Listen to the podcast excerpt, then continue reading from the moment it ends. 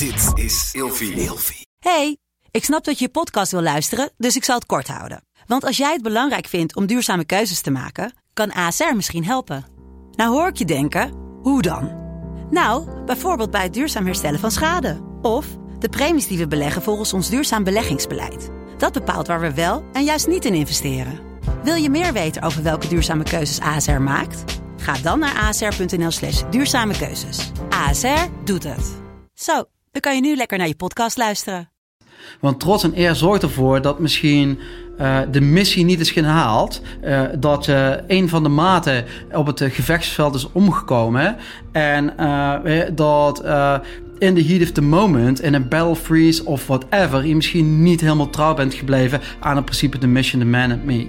maar door de omstandigheden waar je in zit, dat je daar nog steeds wel mee om kunt gaan. Dat je op elementen ervan dat, dat eergevoel hebt van we, we hebben het toch gedaan. We hebben nou, in deze dan Kevin van der Rijt van het gevechtsveld afgehaald. En dat je ook trots kunt zijn op, nou, op, het, nee, op, op jezelf. Maar het is veel belangrijker op het team. En zo'n team, dat straalt dan weer ja, die trotsheid af op jouzelf. Van, ja. hoe, hoe, maar voor iedereen, hoe kun je ervoor zorgen dat de andere kan excelleren en datgene wat hij doet?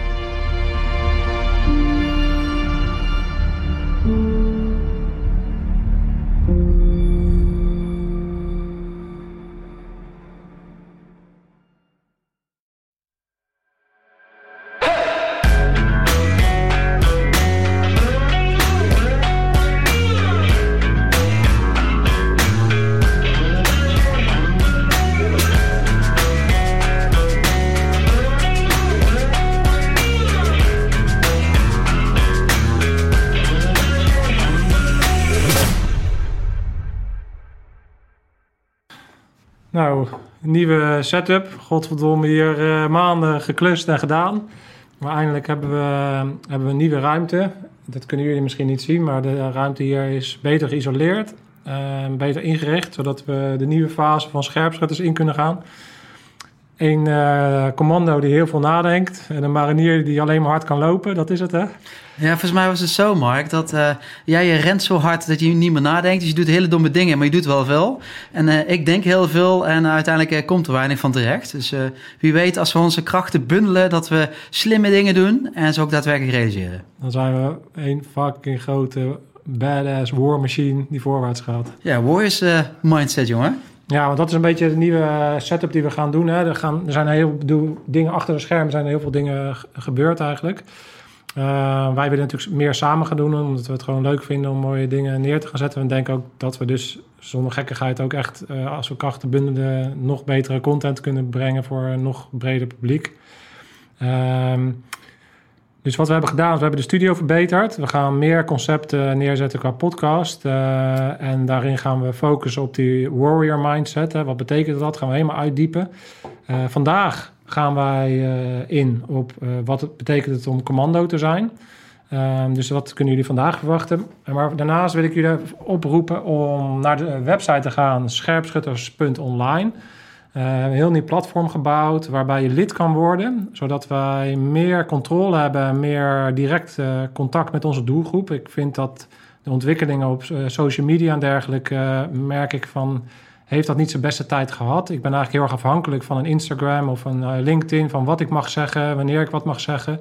En daar wil ik vanaf. Ik wil gewoon een community bouwen waar wij gave uh, value-tainment, zoals ik dat zelf noem. Hè. Dus dat is eigenlijk geen entertainment, maar dingen die echt een bepaalde waarde hebben voor ons en hopelijk ook voor de mensen die kijken. Ja, waarin wij jullie kunnen bedienen met nog meer content. Ik heb het 2,5 jaar lang heb ik dat eigenlijk voor, niks gedaan. Het is gewoon één groot passie, passieproject. Um, maar ik wil dat naar next level gaan tillen, waarbij ik in een situatie kom dat ik daadwerkelijk fulltime hiermee bezig kan zijn.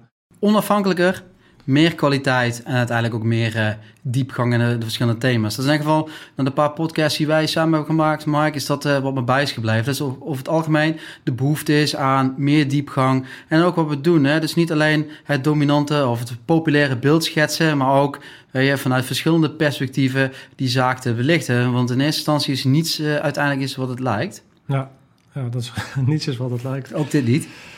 Nee, nee dus dat, ja, dat even de tussenstand van uh, waar, we, waar we zitten en waar we naartoe gaan. Uh, En vandaag gaan wij... Vorige keer hebben we natuurlijk een beetje gekscherend uh, Mars of uh, versus KCT neergezet. En daar hebben we wat stereotypes benadrukt. vooral dingen benoemd. En ja, vandaag gaan we het over die, nou ja, zoals jij zegt, commanders die nadenken. Ja, ik, ik ben benieuwd hoe dat dan in elkaar zit. Ehm, wat betekent het om commando te zijn? En dan kan je zeggen van uh, mensen denken misschien, ja, maar jij bent toch marinier? Ja, ik ben marinier, maar ik ben ook, als ik in Engeland ben, uh, mag ik mijn groene commando dragen. Dus ik heb een negen week commandoopleiding gehad van de Royal Marine Commando's in Engeland. Um, en dat is een soort uitwisseling, want wij van oudsher eigenlijk de Corps Mariniers hele nauwe samenwerking hebben met de Engelsen. Um, en ik heb daarin de commando baret gehaald. Uh, dus de, eigenlijk een soort ACO, denk ik dat het vergelijkbaar zal zijn. Waarbij je ook afsloot met de commando-testen. Dus een speedmars van 12 mijl en uh, de 30 miler, dus dat is uh, 30 mijl in 7 uur. Ehm, de endurance scores, dat is een soort lange hindernisbaan van 70 minuten. En nou Mark, de allergrootste test, of je wel of geen commando bent, kun je hier live het commando lied zingen? Nee, natuurlijk niet. Never, nooit niet. Oké, hey, maar dat is interessant. Kijk, en uh, wat ook leuk is, als we het hebben over, uh, nou, wat is dan een commando? Ik denk dat, uh, dat we een paar dingen aan elkaar moeten halen. Het is enerzijds denk ik dat het voor vandaag voor deze podcast goed is om even het beeld te schetsen van... maar hoe kijkt de gemiddelde Nederlander, hoe kijkt de samenleving nou eigenlijk naar een commando? Hey, hoe kijken commando's eigenlijk naar het ja, het construct of het, het, type van commando. En ik denk het laatste stuk, wat misschien wel het meest interessant is, wat betekent het eigenlijk voor jou zelf, voor mij en jou, en uh, hoe dat uh, precies in elkaar steekt. Ja. Wat denk jij, Mark? Ja, ik ben benieuwd. ja, jij, jij zegt dus eigenlijk als je een gemiddelde burger zou vragen van hoe zie jij een commando, wat, zou, wat zien zij dan? Wat is het stereotype van een commando? Ik, ik, ik vraag me af of daar dan het antwoord als ik zelf namelijk, ja, dan ga ik meteen over mezelf hebben. Maar ik, kan, ik vraag me af of er misschien een beeld is van hoe het vroeger was. Dat, en dan denk ik dat het, het misschien is van, ja, het zijn van die lui die in uh, schuttersputjes zitten. Ja. En, het, en het huidige beeld. Ik denk dat daar wel een verschil in zit. Ik, denk, ik heb wel het gevoel dat KZT een soort professionalisatie heeft doorgemaakt. Ja, maar Sinds de Koude Oorlog, of is dat... ja, maar ja, ja, ik denk, nou ja, ik, ja, Mark, ja. Jullie ook trouwens. Hele grote professionalisatie. Maar ik, weet niet of dat uh, daadwerkelijk ook resoneert zeg maar, in de grote maatschappij. je kunt wel spreken over samenleving. We zijn natuurlijk allemaal individuen. Hè? Want we hebben het over mensen. Wie zijn, dan, wie zijn dat dan, die mensen?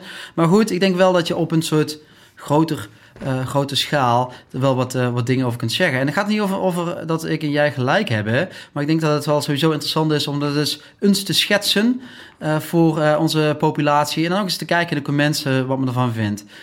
En als je dan mij vraagt, zijn er eigenlijk drie, ja, drie beelden die de dominanten zijn. Maar ik zeg dat jij wat wilde zeggen. Nou ja, ik ben benieuwd wat, jou, wat jouw drie beelden zijn dan die mensen naar kijken. Ik denk zelf dat ze in ieder geval denken dat het een soort ja, uh, bovenmenselijk iemand is. Ja. Um, dat is denk ik het eerste stereotype wat we natuurlijk gaan ontkrachtigen als we naar onszelf kijken. Uh, dus een soort van iemand die uh, ja, onmenselijke dingen kan. Heel zware rugzakken en heel, achter vijandelijke linies. Allemaal mensen met de hand kan doodmaken of zo. Weet je wel, dat soort dingen. Denk ik dat er wel bij horen? Ja, ik had die, ik had die op uh, nummer drie staan, dat klopt. Uh, dat zei eigenlijk dat uh, de commando bovenmenselijke krachten wordt toebedeeld. En ik denk waar dat heel veel in zit, is omdat je jezelf niet kunt voorstellen wat het is om achter de linies te werken. Bijvoorbeeld zo'n commandoopleiding ook, hè? 21 dagen onder de grond. Ja, 21 dagen onder de grond. Wat dat dan uiteindelijk betekent. Op het moment dat je het niet kunt voorstellen, dan komt dat op een soort afstand van je te staan. En dan moet je haast wel onmenselijk zijn hè, op het gebied fysiek en mentaal om dat uh, te, kunnen, uh, te kunnen doen. En het lastige daarvan is, er zit een probleem in. Het problematische daarvan is, is dat bovenmenselijk is dat we de commando als, nou, als type of als nou, bijna ontmenselijke weer. Ja. dus het zijn soort machines die je overal kan inzetten. En ik denk dat nou, als je naar, kijkt naar het, op het gebied van PTSS en uh, nu een aantal andere, uh, uh, de operator syndrome, waarbij je mega, mega, belasting van mensen, dat dat toch ook wel destructief kan werken. Dus nou ja, de tweede. Heb je een best guess, Mike? Ze heel goed kunnen nadenken.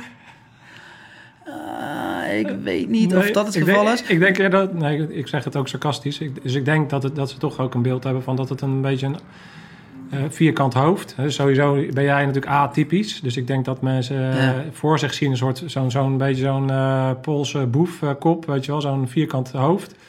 Ehm, breed, dus heel erg gespierd of zo, groot. Ja, Eh, terwijl ja, jij en ik weten natuurlijk dat het vaak atletisch gebouwde jonge gasten zijn die veel slanker zijn en niet, niet van die kleerkasten. Maar ik denk dat dat het beeld is dat mensen wel erbij hebben. ja klopt ja. Meer makkekroontype dan, dan jij in ieder geval. Ja, en, eh, en dat geldt niet alleen voor de samenleving, maar ik zal het ook wel uitleggen straks ook voor de community zelf. Is toen ik in mijn elementaire commandoopleiding zat, was Otto van Wigge, de generaal van Wigge, BD tegenwoordig, eh, was korpscommandant. En die zei altijd van, hey, en, eh, de, de last long one, hè, we hadden dan een 14-weekse, en dat is iets meer dan 9, trouwens, mag ik. Maar een 14-weekse ACO, die zei altijd, wie, wie is die studenticoze gast die ertussen liep? Eh, dat was ik dan. Maar goed, nee, ik denk dat het, het, het tweede eh, beeld wat in de samenleving dominant is, is het beeld van Sylvester Stallone en Rambo 1, 2, 3, 4 en 5. Weet je, heeft ook een beetje dat uh, bovenmenselijk, maar weet je, een commando is iemand die ze in eentje, of misschien met z'n twee dan, maar ze eentje naar het bos kan sturen, hè? of naar uh, Oekraïne of naar Afghanistan kan sturen, in, in de huidige afgelopen crisis daar zo, en die in zijn eentje of met een heel klein clubje alles wel oplost. Ja, niet dan We're sending, we're sending the commando's en maar niet uit wat de uitdaging is. Ja. Weet je? En als hij dan gewond raakt, dan kan hij dan met uh, buskruid en dan kan hij zo eens arm snijden en zichzelf uh, heb je, helen, nooit, toch? Heb je dat nooit gedaan? Ja, natuurlijk wel. Ja, ja. regelmatig. Okay. ja. Hey, en uh, degene die op één staat? Uh, ja, iets van moedig. Ik denk dat misschien iets van... Dat, dat is natuurlijk een van jullie eerste kernwaarden wel. Maar ik denk ook dat een burger wel denkt dat het allemaal helden zijn. Of dat ze misschien denken dat, het, dat ze heel erg moedig zijn. Ja, ik denk dat dat, dat idee van moed zit er wat in. En dan gaat eigenlijk een beetje over weet je, de, de politieke positie van uh, commando of speciale eenheden. Dat begon eigenlijk in de tijd van Margaret Thatcher al, hè, de, de, de, de premier van Groot-Brittannië in de Falklandsoorlog. Dan heb je het over de tachtige jaren, waarbij de SES, hè, dus een een Britse evenknie van uh, de commando's. Eigenlijk als uh, my old boys, had Thatcher het altijd over. En ik denk, de SES gebruikte, het was eigenlijk een soort politieke tool om zaken die uh, ja, wel voor de maatschappij, voor de samenleving, voor de Britten op te lossen, die niet altijd het daglicht konden zien. Denk je dat een burger daar zo naar kijkt? Dat ze dat, ze, dat, dat snappen, dat, dat die lijnen dus direct zijn. Hè? Dus direct bedoel ik van natuurlijk een van de kenmerken van Special Forces... ja. dat ze natuurlijk op een heger, hoger niveau worden aangestuurd. Uh, maar denk je dat een burger daarover nadenkt? Nee, maar daar gaat niet om. Wat om gaat, Mark, is dat uh, het, het beeld wat eruit voortkomt... is eigenlijk wel wat aan die andere twee natuurlijk ook vast had. Hè? Sylvester Stallone en uh, die andere, hè? Beetje dat je bovenmenselijk bent. Dus dat, dat commando's, hè, zeg maar, als een soort van geheime agent... in een omgeving optreden die eigenlijk het daglicht niet verdient... en daar hele specifieke ja, opdrachten uitvoeren, ja. heel gevoelig zijn. En dus het feit dat acties, operaties, missies van commando's, mensen stelden er eigenlijk niet eens vragen over. Want nee, het is nee. logisch dat die in opdracht van onze politiek, naar eer en geweten, opdrachten uitvoeren die geheim zijn. Ja. Ja, nu, nu dat zo zegt, denk ik ook dat de gemiddelde burger ook denkt dat... Want dat zie je natuurlijk ook aan de vragen die ze stellen. Een van de eerste vragen die een burger aan een commando zou stellen... als ze met een commando aan tafel zullen zitten is... hoe is het om iemand dood te schieten? Ja. Snap je? Dus ik denk ook dat heel veel burgers misschien het beeld hebben... dat iedere commando uh, wel eens iemand uh, heeft moeten uitschakelen. Maar in de werkelijkheid is dat natuurlijk niet zo. Nee, nee, nee. Nee, denk ik niet, nee. Nee. Nee, ik denk dat er zijn die meerdere hebben uitgeschakeld en dat er zijn die geen hebben uitgeschakeld. Ik denk dat er inderdaad een hele range zit. Maar nogmaals, ik denk dat dat, uh, weet je, op basis van uh, wat onderzoek wat we hebben gedaan, met mensen waar we mee hebben gesproken, ook als je een beetje, zeg maar, de, uh, de kranten volgt en hoe bijvoorbeeld op het NOS-journaal, als het over speciale eenheden gaat of commando's gaat, hoe dat eigenlijk een beetje in beeld wordt gebracht. Ja. Dus ze hebben bovenmenselijke krachten. Ze worden eigenlijk in de schemer van de samenleving, hè, op het randje van wat toelaatbaar en niet toelaatbaar is, worden ze ingezet. En dat zijn eigenlijk Sylvester Stallone's. Ze zijn unbreakable, uh, volgens uh, Sander Aarts. dus dat ze unbreakable zijn. En ja, eigenlijk op, op die drie gestoeld is. Maar daar, zit, daar, zitten wat, daar zitten wat uitdagingen en aan en wat problemen. ook op het gebied van speciale eenheden in, in het belang van Nederland, hoe die zich dan in de toekomst uiteindelijk wel of niet kunnen doorontwikkelen. Ja, ja. dat denk ik ook. Oké, dus dan als we zo hebben, uh, in ieder geval een beetje een algemeen beeld hebben kunnen schetsen van hoe een burger er naar kijkt, dan uh, zou het nu interessant zijn van, maar hoe kijkt een commando dan naar een commando? En dan heb ik het niet over ons, maar binnen de commando community, hoe wordt een commando dan uh, gezien? Of, of misschien kunnen we iets breder trekken binnen Defensie. Hoe kijkt Defensie ja. en mensen die militair zijn naar commando's? Ja, is goed. Dat wil ik best wegzetten. Maar ik doe het dan voor de Nederlanders. En dan ben ik, van Nederlands perspectief, ben ik wel benieuwd of daar ja, verschillen uh, of gelijkenissen in zitten met het Engelse uh, construct. Ik denk het allereerste uh, waar je moet beginnen is naar de vijf kernwaarden van het Korps Commandotroepen. Dat is hetgene wat zeg maar, de eenheid commando's bindt. Dat deed het al, dat doet het nu en zal het voor de toekomst eigenlijk ook zo zijn.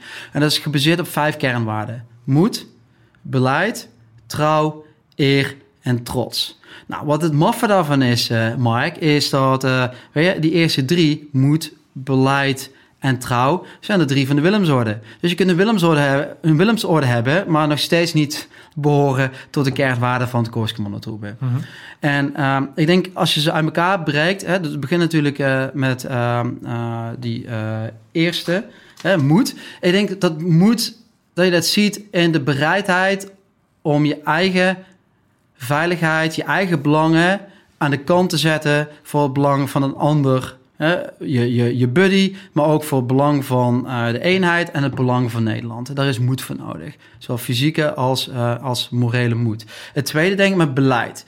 En dat klinkt wollig. Het gaat niet over uh, politiek beleid, maar het gaat erom dat de dingen die je doet, dat die bijdragen aan het behalen van je opdracht. Mm -hmm. Dat zijn slimme dingen die je, die een, je groter, een groter belang. Dat je eerst hebt nagedacht. Kan een split second zijn. Eerst nadenken, dan doen. Die derde is trouw. En trouw, heel veel mensen denken dat is, dat is de trouw die je hebt naar elkaar als kameraden. Of naar de trouw naar uh, de, uh, de, de eenheid of uh, naar Nederland. Dat is het niet zozeer. Ik denk de trouw, waarom dat in zit, is nou, wat Piet Bleber in zijn boeken, The Mission, The Man and Me, uh, neerlegt. Ik denk dat dat belangrijk is. Dus trouw naar je missie, de opdracht die je hebt om die te halen. Trouw uh, in de zin voor de, de, de, de, de mannen, maar ook vrouwen, hè, de, de, andere commando's en enablers mee op pad bent. Maar ook trouw naar jezelf toe. Mm -hmm. He, dus hoewel de opdracht kan zijn uh, weet je, uh, stel dit dorp vrij of uh, schakel deze verzets, of deze strijders of insurgents, stel ze uit. Dat je nog steeds wel van die hele specifieke opdracht kan afwijken. Hè? Op basis van je eigen, je groeps of de, de belangen die er uiteindelijk in zitten. Ja, dat is wel interessant, omdat ik dat natuurlijk vorige keer ook aanhaalde van dat, in, in, dat doctrinematige wat ik bij de landmacht een beetje ja. in mijn allergie zit. Want ik hou helemaal niet van regels, want ik vind regels zijn er inderdaad naar. En dat heeft niet te maken dat ik altijd maar uh, dingen doe die niet mogen, maar dat ik wel altijd het gevoel moet hebben dat ik nog zelf uh, autonomiteit heb en be bewegingsvrijheid om in een bepaalde specifieke situatie af te kunnen wijken van de, van de regels, omdat ja. uiteindelijk dan het resultaat uh, belangrijker wordt dan heel even afwijken van een bepaalde regel. En dat klinkt misschien ja. heel raar, maar da daarin. Maar ik, ja. Snap je, weet je wat ik bedoel? Dus nee, ik snap precies wat je wilt. Dus dat, je, dat ja. je net even door een paar meter door rood moet rijden, omdat je dan bijvoorbeeld een, uh, een botsing voorkomt.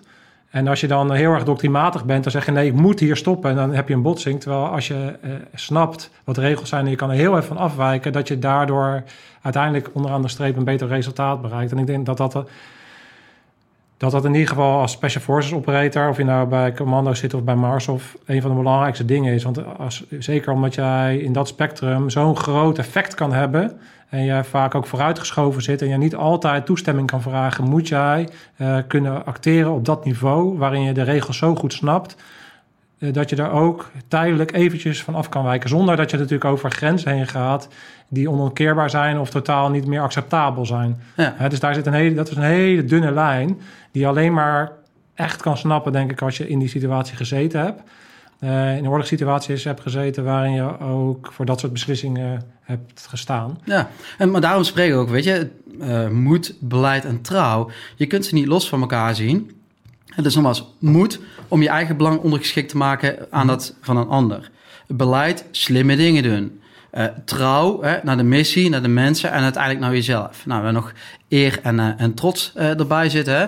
Eer betekent ook, eigenlijk is het verlengde van die trouw. Hè. Eer betekent ook dat je dingen doet of keuzes maakt die misschien niet altijd in het voordeel van jouzelf uitpakken, maar waar je wel later, weet je, met een opgeheven hoofd in de spiegel op terug kunt kijken. En dat is misschien meer naar eh, commando's en de samenleving toe. En dan heb je trots. Het is ook uiteindelijk reflecteert het ook op jouzelf. Dus trots gaat ook over dat de dingen die je doet, dat je daar nou, weet je, trots op mag zijn. In de zin van, dus dat je daar, je moet ook bepaalde mate van positiviteit tot zich brengen. En dat wil ook zeggen dat, dat trots en eer zorgt dat je weerbaar bent. Want trots en eer zorgt ervoor dat misschien eh, de missie niet is gehaald. eh, dat eh, een van de maten op het gevechtsveld is omgekomen.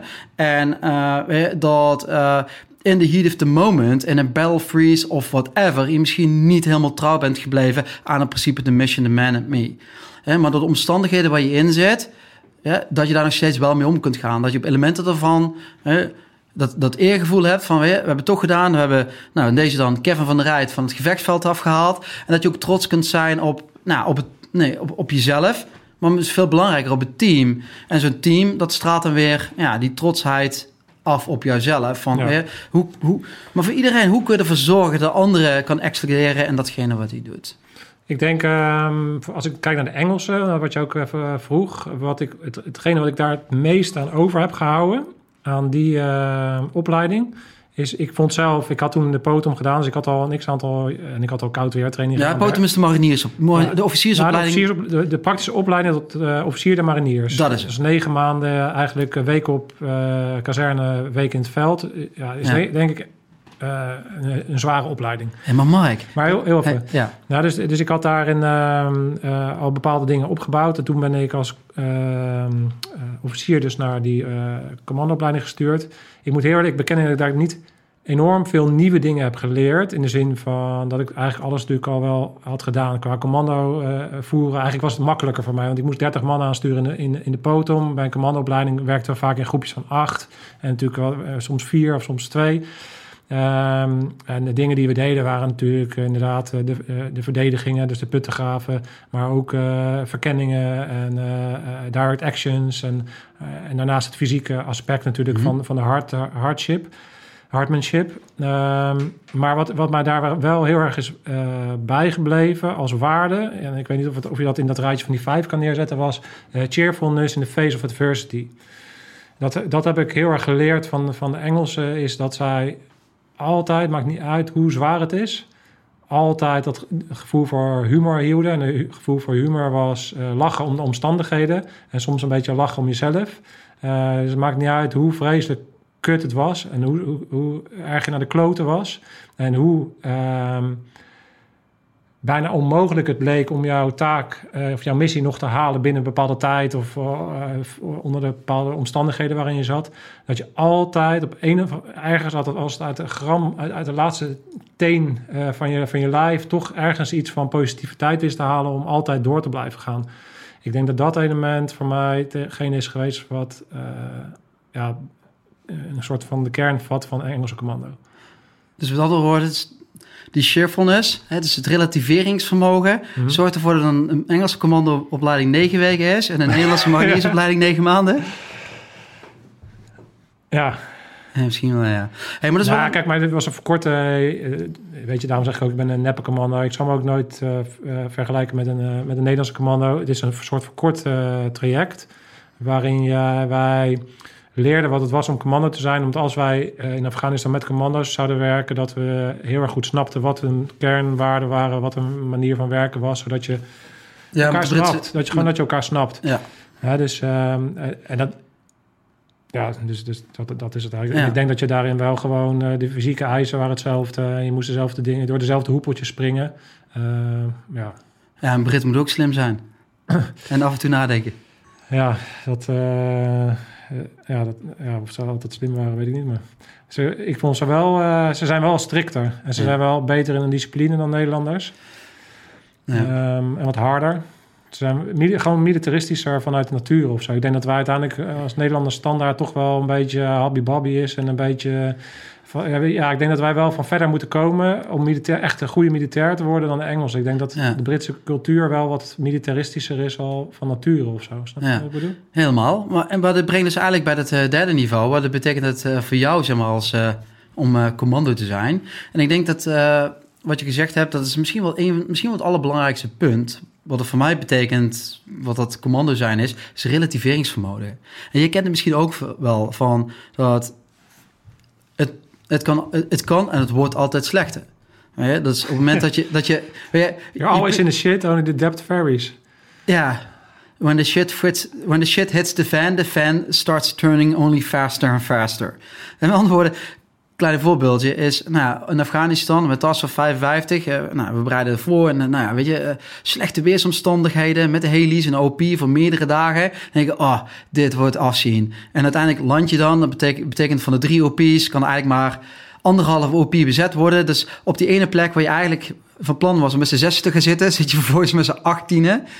En eh, nou, dan denk ik van, nou, beetje uitgerekend en zo, waarnemers en schootsvelden en dat zaken meer. Nou, binnen, eh, nou, wat zal het zijn, een, een, een, een twee dagen, 24, nou, misschien 48 uur, maximaal 24 uur, hebben ze ons wel, wel in zicht, zeg maar, hebben ze gepinpoint, want we gaan natuurlijk s'nachts. En eh, weet je, nou, als eh, de eerste rook optrekt van de heli's midden in de nacht, beginnen de eerste mortieren om de ogen, oren te vliegen. En dan komt de herder nog ko- komt erbij. En nou, pak maar door en je batterijen zijn op. Het wordt eigenlijk altijd slechter. Het wordt altijd problematischer. En ik denk dat dat wel iets is wat mij gevormd heeft in relativeren. Dus op het moment dat je denkt dat je het slecht hebt, of het, dan heb je het nog niet slecht. Dus je bent altijd, je bent altijd bezig met, ja, weet je, the biggest shit still has to hit the fan. En ik denk dat dat belangrijk is, dat je kunt relativeren. Hè, maar ook dat je durft te denken in wat hè, in een soort mijlpalen. Zo prima. Hè, hoe, ziet, hoe zien de komende twee, twee uur eruit? Wat kunnen, we in de twee, wat kunnen we in de komende twee uur doen om de komende zes uur eh, doorheen te komen? Wat kunnen we in de komende zes uur doen om de komende twaalf uur door te komen? En ik denk dat dat een mentaliteits- of een mindset is die belangrijk is. Hetzelfde Ja. eigenlijk als we hier een WOT doen, hè Mark? Wat? Een WOT hier zo bij eh Ja. RPTC. Ja. Als we zelfs het afbeulen zijn. Als je naar je hele WOT kijkt en je denkt van... oké, Oh, hoe verschrikkelijk... Weet je, hoeveel, hoeveel pijn ga ik mezelf doen? Is eigenlijk al een kwelling die niet per se noodzakelijk is. Ja. ja, ik denk dat dat re- relativeringsvermogen en de dingen die wij gedaan hebben, en dan wil ik me absoluut niet met jou vergelijken, ehm, als ik even bij mezelf kijk, de dingen die ik heb gedaan, fysiek, mentaal en de grenzen die ik daarin heb opgezocht binnen, de, binnen mijn eh, loopbaan als marinier, ja, die zijn heel erg waardevol. Omdat je, je, je kan op geen enkele wijze in het normale leven eigenlijk die, dat soort grenzen bereiken. Je kan eigenlijk alleen maar zo ver komen eh, op zo'n niveau als je dat doet met, met een groep mariniers of met een groep commando's. Ja, ja. Tijdens, dit is, ja, je, je kan jezelf bijna niet zo ver pushen als het gaat om belangen die zo ver gaan als waar je als, als commando eh, voor strijdt natuurlijk. Ja. Dus je, eh, want het, het wordt groter dan jezelf. En dan, dan, hoe ver je dan kan komen als je voor iets strijdt wat groter is dan jezelf. En je dat ook echt het gevoel hebt. En dat klinkt heel nobel, maar dat is het niet. Het hoeft niet altijd iets nobels te zijn. Het is gewoon het gevoel van. Ik kies ervoor om commando te zijn en volgens die vijf kernwaarden voorwaarts te gaan. En ik doe dat niet alleen voor mezelf, maar ik heb ook het idee ehm, dat ik dat doe voor een soort belang van Nederland. Dus, nu zou ik daar wat meer moeite mee hebben, ben ik heel eerlijk. Voor deze overheid zou ik niet zo ver kunnen gaan. Maar toen was ik nog in, leefde ik nog in een wereld dat ik geloofde dat ik iets goeds deed. Ehm, dat dat zo groot is. Maar daarnaast heb je ook nog eens een keer je buddies. Die er waarvoor je door het vuur gaat. En waar, waar je eh, eh, tot zover kan gaan en wilt gaan. Ja, dat, dat geeft je iets. eh, ja, bijna een soort goddelijke kracht of zo. Waarin je Ja. tot grenzen kan gaan. Dat je denkt, ja, hoe- als ik daar nu over terugdenk, wel eens, hoe, hoe, hoe, kan hoe krijg je dat voor elkaar om, toch dan zo'n klus te klaren? Als je inderdaad om vijf uur na een invul van 78 uur met rugzakken van 60 kilo eh, doorgetrokken hebt en je bent door sneeuw en hagel en weet ik het allemaal niet gegaan en kapotte radio's en mensen die eh, eh, eh, hoe heet eh, enkels verzwikken en meegenomen moeten worden, ik noem maar wat hè. Ja. Gigantische uitdagingen. En dan uiteindelijk uh, toch nog voor elkaar krijgt om met dat clubje Eyes on Target te krijgen voor de gezette tijd. En, en, en uh, die intel te leveren die uiteindelijk ervoor zorgt dat je, uh, ja, dat je een groepering kan stoppen of de juiste intel aanlevert om, om iemand op te pakken of iets dergelijks. Ja. Dat, dat geeft je iets wat, ja, wat, wat, wat alles daarna eigenlijk makkelijker maakt. Ja, misschien zijn die, uh, die, die, die vijf kernwaarden waar we over hebben, misschien wel veel universeler. En de grap is, hoe je het nu vertelt, ik denk altijd in beelden, dat, dat weet je, een, een, een, je alles visualiseren is, dat het eigenlijk een soort speerpunt is. Hè? Misschien wel uh, de scherpschutter speerpunt. Ja. En dan onderin dat puntje zit trouw. Hè? Dat wat geflankeerd wordt door moed en beleid en eigenlijk ondersteund wordt als basis, wat veel meer over jouzelf gaat op het gebied van eer en trots. Maar het is juist die trouw, en daar wil ik nog iets over zeggen. Als je het mij vraagt, die trouw heeft te maken met wederkerigheid. En wederkerigheid is iets heel, heel, ja, heel vreemds eigenlijk. Wederkerigheid gaat, er, gaat erom dat als ik iets voor jou doe, dat jij iets van, dat ik iets van jou terug mag verwachten. Ja. Maar waar trouw over gaat, is dat het onwederkerig is. Dus, met, ja. ja, dus met andere woorden, ik ben bereid, skin in the game, iets voor mij in te leveren voor jou, zonder dat ik dat per definitie iets voor jou terug verwacht. Ja. In tijd, in plaats, in Onvoorwaardelijkheid. Ja, is onvoorwaardelijk. En ik denk dat dat, dat ook, dat je dat ziet, zowel, nou, hebben jullie ook wel, en zeker bij het, bij het KST en bij de commanders kan ik er sowieso over spreken, is dat wat je ziet, is dat je hebt ook een, een veteraneninstituut, of verkeerd, een veteranenvereniging. Je hebt een commando-stichting. Tegenwoordig hebben we ook een, een, een foundation-organisatie met uh, nou, een aantal, nou, netjes gezegd, uh, buitendienstcommando's. en die doen dat onvoorwaardelijk. Dus die faciliteren commando's die in de problemen zitten of die in de problemen dreigen te raken met ondersteuning. Niet omdat zij er beter van worden, maar ook niet altijd van het idee van... Ja, als het met mij slecht gaat, hoop ik ook dat er vangnet is. Want vele van hen hebben het niet nodig. Mm-hmm. Maar dat is die... Ja, jij zei dat zo mooi. Ik noem dat de onwederkerigheid. Ja, hoe noemde jij dat ook weer? Onvoorwaardelijk. Ja, dus het ja, onvoorwaardelijke trouw naar elkaar toe. Omdat je bepaalde zaken met elkaar gedeeld hebt. Omdat je zelf ook misschien wel kwetsbaar bent. En van dezelfde bloedgroep bent. Ja, Ik denk En- dat dat ook iets heel waardevols is, zeker in de, in, eh, in de huidige wereld, waarin het zo vol zit met, met mensen. En ik denk dat heel veel mensen uiteindelijk ook gewoon op zoek zijn naar een soort van identiteit. Iedereen, eh, denk ik, dat hij wel herkent van, ja, waar hoor ik nou eigenlijk bij en waar voel ik me nou eh, goed? En ik denk dat zo'n club als de Commando's iets is wat, doordat je een opoffering levert die zoveel pijn en moeite kost om daar te komen. Ehm, ja. ook meteen een soort van het gevoel geeft dat je ehm, daar alles voor wil blijven doen of zo. En dat je daardoor ook gewoon voelt van dat ben ik ook voor mijn hele leven. ja. En ehm, dat, dat is denk ik iets bijzonders. Want ik denk, waar, waar vind je dat nou nog terug? Die onvoorwaardelijkheid. Ja, dat je gewoon weet, weet je, ik, I got your back, you got, you got, uh, you got mine. Weet je, dat je gewoon weet, want het maakt niet uit, weet je, wat er gebeurt. Eh, Nee, we krijgen allebei hetzelfde als, salaris. als je omflikkert, dan... eh, En de voetballerij is natuurlijk anders, want de ene verdient meer dan de ander. Maar Maar voetballerij, ik heb een aantal voetbalteams getraind. Dat is bizar, want je denkt dat het is een teamsport. Maar er is niks zo individualistisch als voetbal. Ja. Want voetbal draait alleen maar om knaken en om de beste transfer krijgen. En Ja. eh, daar zit weinig eer in, vind ik. Maar goed, dat is mijn mening. ja, interessant. Ja, dat is zeker interessant. Want ik denk als de teams die wel in staat zijn om eh, dat om te turnen en een soort van the greater good te voelen. En echt voor het team te gaan in plaats van van eigen belang. Ik denk dat dat uiteindelijk de teams zijn die winnen. Ja. Maar dat is dan toch een soort van eh, tegenstrijdig. Want uiteindelijk denk ik dat de ego's en de, de be- eigen belangen toch voorgaan. Ook omdat door man- de manier waarop ze opgevoed zijn. Ja. En dat zit hem dus in de vorming. En, de, en, en denk ik de cultuur eromheen. Van zo'n voetbalorganisatie. Waarin het uiteindelijk natuurlijk draait om knaken.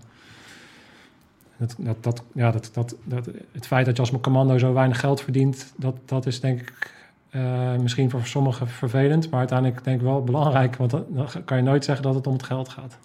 Nee, het is een intrinsieke motivatie die je hebt. Ja. Het draait om iets anders dan geld. Het draait ook om iets anders dan jou. Ja. Ja, ik denk het wel. hè. Dat, dat, dat, misschien is dat wel de essentie van, eh, van Nou, deze podcast, Mark. Ja, maar nu je dat dan zegt, eh, is wel interessant. Omdat je nu ziet dat er zoveel mensen naar buiten treden. En wij zijn er natuurlijk één van. Want wij zitten hier met onze bakkers eh, voor, voor een camera. Ja. En je hebt het over de silent professionals. Quiet professionals. Eh nou, silent, wij zeggen de silent professionals. Oké, we- en dan uh, ik anders tegenaan. Oké, de silent and quiet professionals. Nou, whatever. Het, is- het gaat om hetzelfde. Dat betekent eigenlijk dat je gewoon je werk doet. En zonder, op het moment dat je, de, dat, nu, dat je naar buiten treedt, dan komt er altijd een stukje ego in. Want dan kan je zeggen van, oh kijk, ik ben, ik ben marinier of ik ben commando. En dan, dan, dan, dan wil je daar eigenlijk een soort van erkenning voor terug. Of een soort van, eh, het doet iets met je ego. Terwijl eigenlijk, als je kijkt naar commando zijn, dan doe je dat altijd in de schaduw. En daar heb je ook gewoon vrede bij. Je hoeft daar, je hoeft daar geen boek over te schrijven. Je hoeft niet op het nieuws te komen. Je doet gewoon je werk. En je doet dat werk omdat je zelf gelooft in dat werk. En ik zie daar wel iets gebeuren waarin je steeds meer ziet dat er steeds meer naar buiten getreden moet worden of zo. Ja, ik vind het heel lastig hoor. Maar ik, ik weet het niet. Eh, misschien eh, moeten we daar eens een keer een podcast mee maken met een aantal eh, Ja, mensen die dat op die manier. Nee, maar ik denk nog steeds dat als je het hebt over eh, moed, eh, beleid, trouw, eer en trots, dat je nog steeds vanuit die kernwaardes wel degelijk eh, een zichtbaarder profiel kunt wegzetten, zolang je zeg maar, ik denk dat het belangrijkste is dat het over jezelf gaat, van, eh, voor jezelf invulling geeft aan nou, die speerpunt waar we net over gehad. ja, dat je trouw blijft aan het, het algemeen belang. Dat je trouw blijft aan de mate hè, en dat je trouw blijft aan jezelf. En volgens mij is dat eh, de verantwoordelijkheid van in ieder zelf, denk ik ook, om enerzijds het gesprek met jezelf erin aan te gaan, het gesprek met de mate erin aan te gaan. En ook misschien wat we nu proberen te doen, is een podcast. Ik zeg niet dat we het heel goed doen, maar wel... doe maar wat toch? Je, Ja, nee, nee, maar, maar wel het gesprek aan te gaan van waarom je de dingen doet, waarom dat je doet.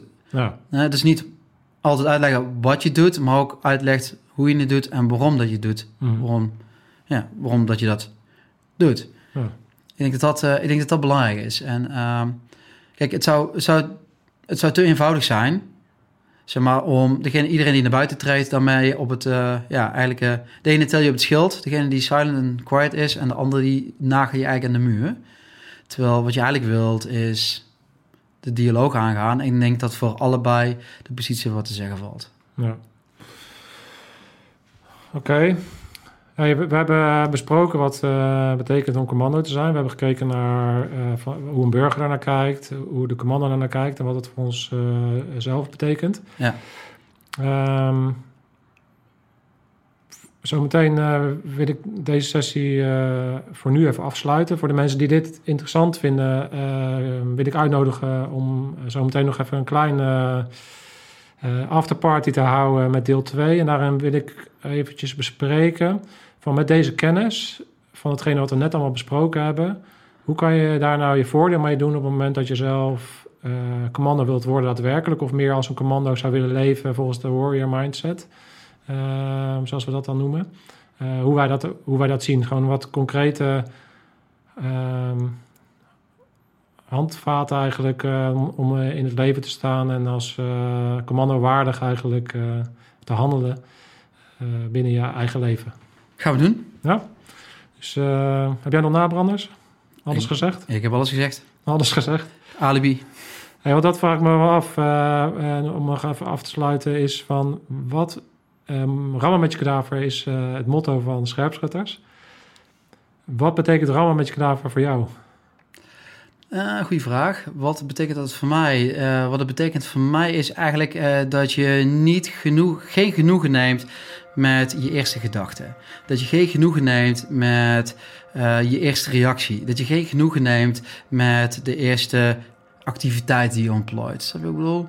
Dus eh, wat ik wil zeggen is dat het rammen met je kadaver betekent ook dat als je het nieuws ziet of je ziet een mediabericht, is dat het komt bij je binnen dat je ja, tijd nemen is een groot woord, hè, maar dat je er wel eens een keer voor jezelf op, terugkomt. Dat is wat ik zeg van niets is wat het lijkt.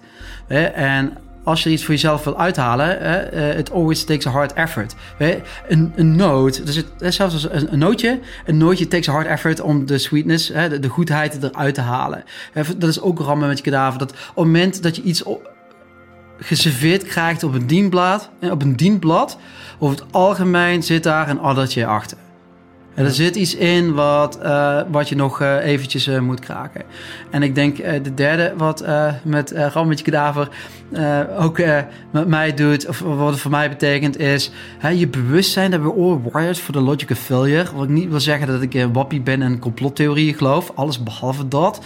Maar wat ik wel wil zeggen is dat wij in, in, de samenleving waarin we leven, of leefden, of misschien in de toekomst we zullen leven, dat, dat, dat we eigenlijk altijd worden voorgesorteerd op de eenvoudige keuzes. Ja.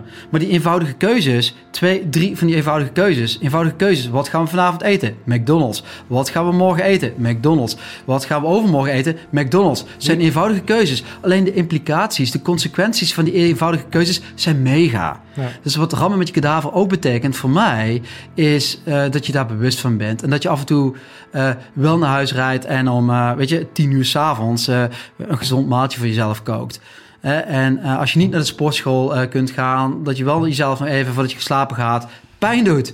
Maar ook hier in je hoofdje, als je denkt van... hé, hey, dat was een vette documentaire. Weet je, volgens mij heeft uh, nou, deze of deze... nou, presentator of, of, politicus heeft gelijk. Om dan, als je, net, voordat je gaat slapen of je wakker wordt... ook proberen even de andere kant te belichten. Mooie manier om naar te kijken, dankjewel.